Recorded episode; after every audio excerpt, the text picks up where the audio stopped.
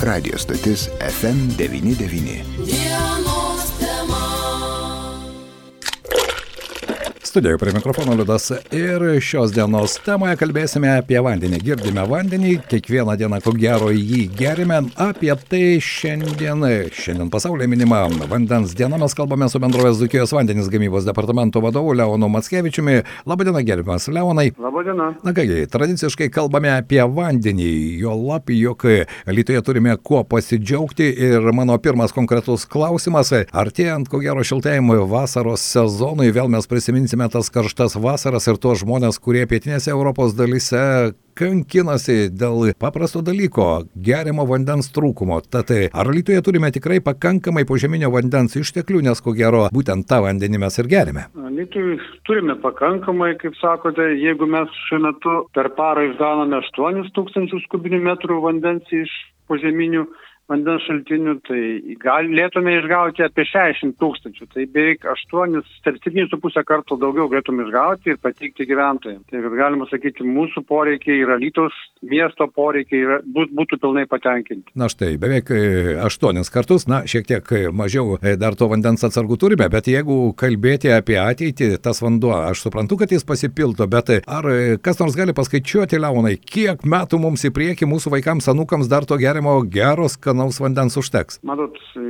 Lietuvos mieste visi mūsų vandenvietės yra šalia Nemono upės. Tai jeigu Nemono upė per daug nepakeis vagos, Taip. tai po truputį vanduo atsinaujina iš mūsų Nemono upės. Nors grėžiniai yra ir pakankamai gilus, vieni yra nuo 28 iki 130 metrų priklausomai, kur randasi Ten pavyzdžiui, Visgirio vandenvietė tai yra 28 metrai gylio, Radžiūnų vandenvietė yra iki 130 metrų gylio, o, Visgi, o Svilčio vandenvietė yra apie 60, nuo, še, nuo 40 iki 65 metrų gylio.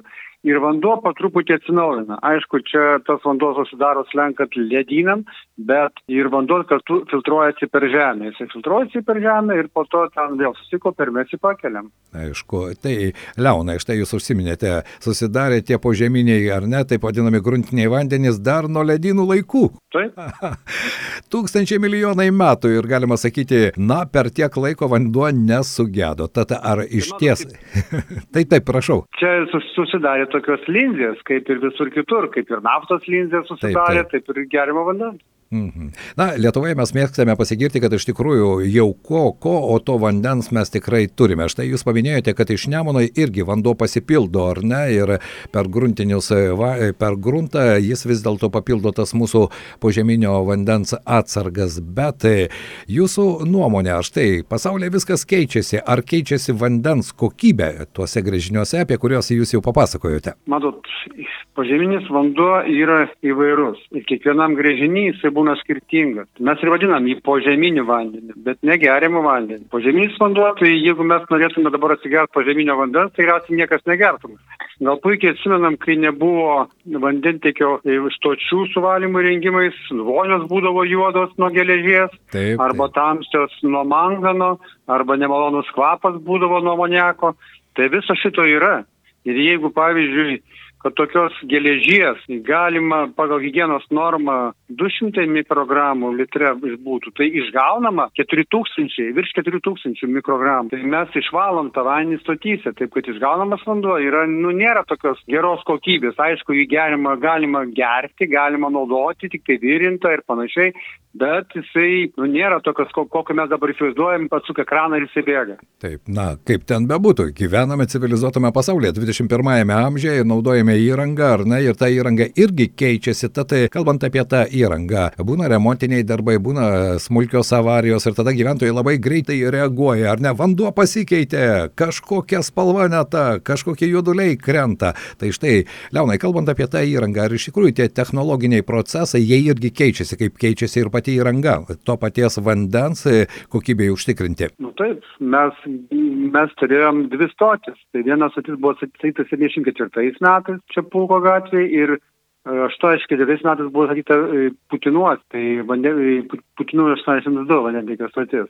Tai visai kita buvo technika. Anksčiau buvo smėlio kaldo, skaldos užpildai, vandens valymų naudojama, dabar tai ir nebuvo naudojamas oras, dabar pasikeitė, dabar prancūziški filtrai stovi, smėlio užpildai, atitinkamos frakcijos smėlis ir naudojamas vandens išvalymų dar oras, priverstinai, kuris išpurena gruntą, kad geriau įsivalytų. Ir čia O vamzdynuose, vamzdynuose taip, vamzdynuose irgi dar nuo senų laikų yra susikaupęs, daro plevelės, kaip bėga vanduo, kai teka. Jeigu, pavyzdžiui, vanduo būna agresyvus, tai jisai net pradeda graužti tą, pavyzdžiui, ketinį vamzdį. Pradeda ir įskiria net iš to ketinio vamzdžio manganą. Mm. Kartais ir arba yra nusėdęs, nusėdęs vandenyje, tai yra va, va, vamzdėje sudariusi plevelę, jeigu jinai neišardoma, ne, tai viskas tvarkoja. Bet kai sustabdamas vanduo arba, arba atsitinka taip, kad e, trūksta, lūšta, hidrauliniai smūgiai būna vandenyje, tada taip. vandens kokybė pasikeičia. Taip. Tada mes ir matome ir tą rudą vandenį, ir tas kartais iškrenda mangano tokios kaip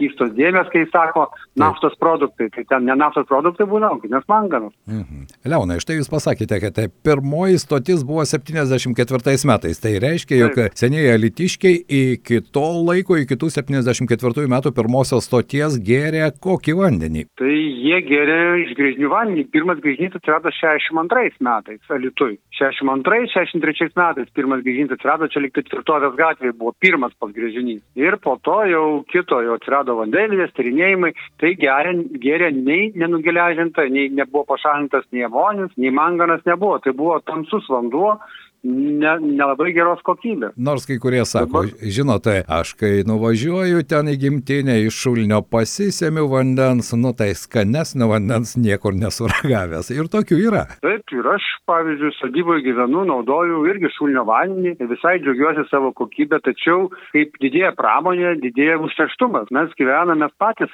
nu, kaip sakoma, šiukšlinam ir teršiam. Tai dabar tik tai pradėjome kovoti su aplinkos tarša. O pažiūrėkit, kaip, kaip anksčiau gyvendavo. Viso tokios trašos buvo barstomos ir nežiūrima kaip. Nors ir dabar, ką trešia laukus, tai leidžia, bet pavyzdžiui, jau kaip, kaip jeigu dumla, nu kaip mes gauname va dumlą įterp, tada jau žiūri, skaičiuoja, kiek mangano, kiek fosforo, kiek azoto gali į tą kvadratinį metrą įtrešti. O kai žmonės trešia, tai niekas taip ir nekreipia dėmesio, bet viskas po to subėga vis tiek. Subėga taip. į upes, upelius, į nemuną ir taip toliau, nu, nuoteka į jūrą. Taip kad taip. mes visi patys turėtume būti suinteresuoti, kad išsaugoti savo turtą.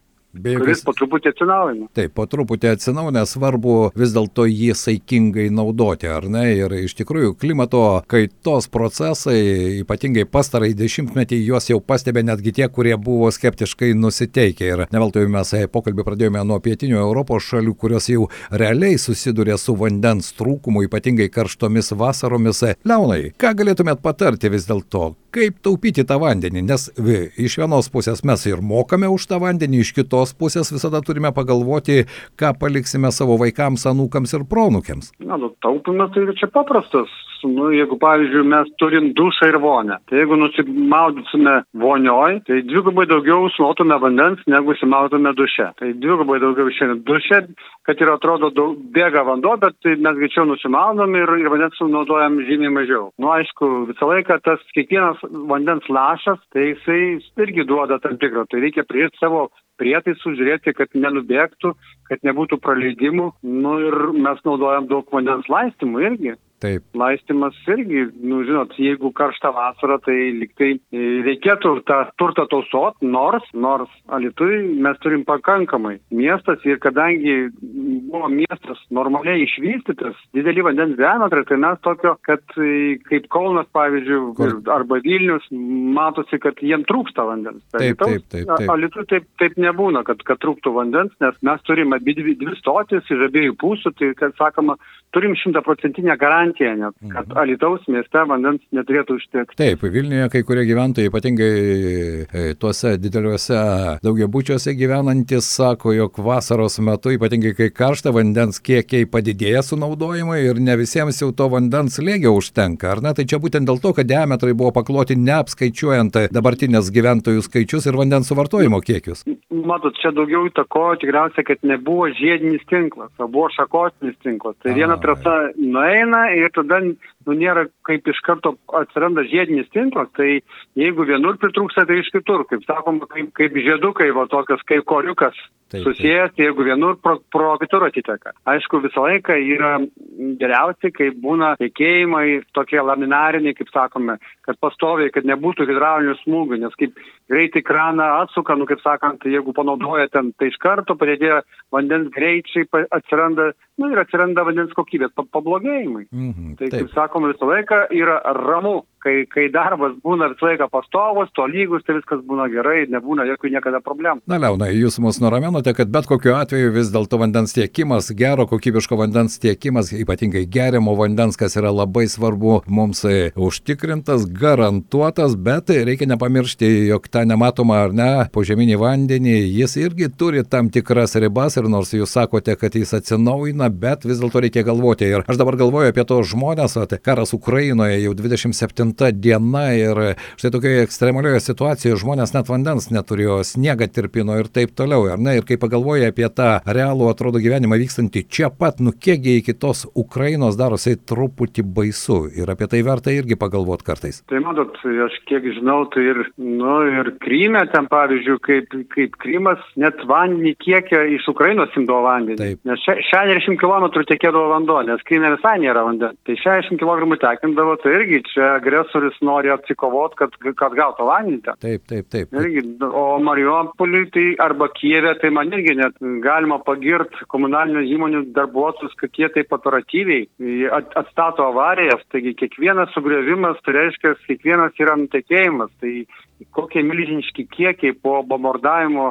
nuteka, jie turi statyti, suremontuoti ir vėl paleisti vandenį. Tai čia mhm. galima sakyti, jie irgi kaip savotiškai herojai ir savo specialybę jie nu, gali didžiuotis, kad užtikrina žmonėms. Taip, be jokios abejonės ir tuos vaizdus, tas nuotraukas mes matome, bet Leonai, kiek jūsų nuomonė, štai tie karo veiksmai Ukrainoje, na, kaip ten bebūtų, vien tik tai Kyvė, ten užterštumas oro daugiau kaip 33 kartus padidėjęs, visi sprogimai, visa tai jų kyla į dangų, po to visa tai leidžiasi į žemę, į gruntus. Na, aišku, gali sakyti, kad iki Lietuvos visa tai nepasieks, bet vis dėlto ten irgi žmonės gyvena. Tai irgi nebe pėtsakų, ko gero, niekur nedingsta jų. Nu, aš manau, manau taip, aš nežinau, kokios ten yra vandens gerimo technologijos, ar, ar ima jie iš upių vandenį valo, nes naudojami koaguliantai, flokuliantai ir panašiai, tada sudėtinga technologija vandens, vandens e, gerimo, vandens paruošimui, ar jie turi kiek nors požeminio vandens. Tai jeigu ima iš upių, tai jų ta vandens kokybė turėtų būti gan stipriai pablogėjusi. Ir matot, ir tokie dideli kiekiai, tai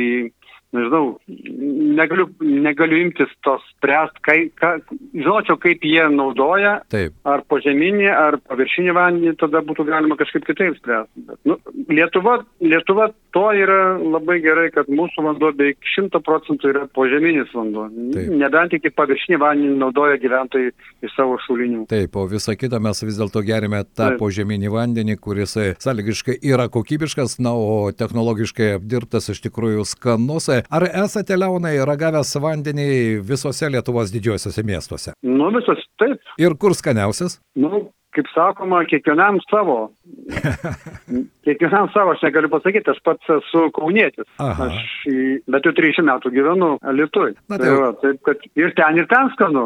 Reikia priprasti, matot, kiekvienas vanduo turi savo poskonį. Nu, nėra tokio absoliučiai toks, toks pat vanduo. Yra visai skirtingi. Nu, kiekvienas žmogus, kuris įpranta ir ten tas vanduo jam būna geriausias. Be jokios abejonės, mes turime degustatorius, kurie ar ne ragauja pačius įvairiausius gėrimus nuo vyno iki stiprių gėrimų ir, ir štai. O yra degustatoriai, kurie vandenį paragavę gali pasakyti jo sudėdamasias dalis įdomu, ar ne?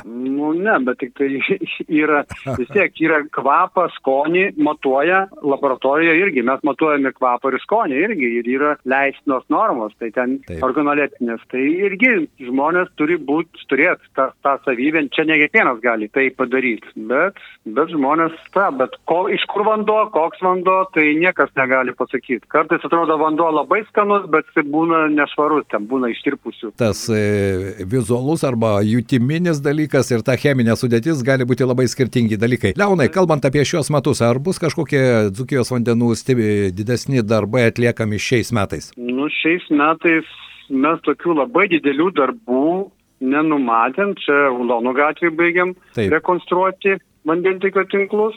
Taip pat žadam gauti iš ES fondų, tai čia klotume upelio gatvėje lietaus valymo įrenginius pastatytume, Jazminų gatvės vakučiai yra, mhm. planu, jeigu gauti pinigų čia, kur būna ant to žiedo visą laiką vandens. Vandens, taip, taip, taip. Jo pakilimas, po to galvojant dar ir nuo Punskos gatvės nuvest vandenį iki naujosios gatvės. Ten irgi nebuvo padaryta savo laiku, bet tą reikia užbaigti. Be jokios abejonės, kodėl o... taip, taip, taip, prašau. Ir dar Sakalauso gatvę tikriausiai padarytume. Na štai, tokia.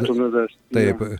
tai irgi reikalinga, nes ko gero jau keletą keletą metų mes patiriame, ar ne, vasarą tikrų tropinių liučių tokį poveikį, na ir po to prasideda srautai vandens, mūsų kanalizacinės sistemos nesugeba jo greitai taip absorbuoti, sugerti, bet tai yra ko gero irgi natūralu. Numatote, galiu pasakyti, kad, ta, kad norint šių laikų gamtos stichijos iškritusius kritulius sugerti, reikėtų didinti mūsų vos dvigubai nutekėjimo vamzdynų. Nes jau mes, ne, mūsų vamzdynai buvo taikomi vis, prie visai kitokių lietų. Anksčiau nebūdavo tokių galingų ir greitų liučių. Taip, Tos liūtis daugiau buvo būdingos pietų valstybėms - Ispanijai, Italijai, kur ten nubėgdavo, o Lietuvo visai kitiek nu, kritulių kiekis skridamas per minutę jisai buvo žymiai mažesnis. Mm. Ir planuojant tos tinklus, nebuvo į tai atkreipta dėmesio. Taip pat buvo mažai užstatytų plotų, nes taip, dalis taip, vandens taip. Susi, susigerdavo į žemę. O dabar visur taip, betonas, betonas, taip. trinkelės, visos gatvės asfaltuotos, nors kai kuriuose valstybėse ir dabar jau būtent paliekami tam tikri žaliai, taip tokie vadinami grioviai, netgi šalia kelių, kurie natūraliai tą vandenį bando sugerti ir tai ko gero irgi viena iš tokių išeičių. Taip, taip būtinai, kuo mažiau bus to betono, kuo daugiau bus žalios vejos, tuo daugiau mes ta, tas vanduo įsigers į žemę ir tuo mažiau nutekės. Ypač galingos liūčių pagalba, tai sakau, nors kad ir kaip nori apsisaugoti nuo tų liūčių, Tačiau jeigu bus galingos didelis liūtis, tai, tai iškris didelių kiekis, mes jų negalim suvaldyti. Sutinku su jumis. Kągi, tikėkime, kad ši vasara nebus tokia liūtinga, bet ką galiu žinoti, gamta juk sunkiai prognozuojama, bet tai, ką mes šiandien išgirdome, yra prognozuojama ir daroma. Dzukijos vandenų gamybos departamento vadovas Leonas Matskevičius buvo šiandien mūsų pašnekovas dienos temoje. Leonai, ačiū Jums labai, skanaus galima pasakyti, kągi po mūsų pokalbio galima išgerti ir e, švaraus vandens stiklinę. Dėkui Jums už pokalbį pokalbį. Prašom, ačiū Jums.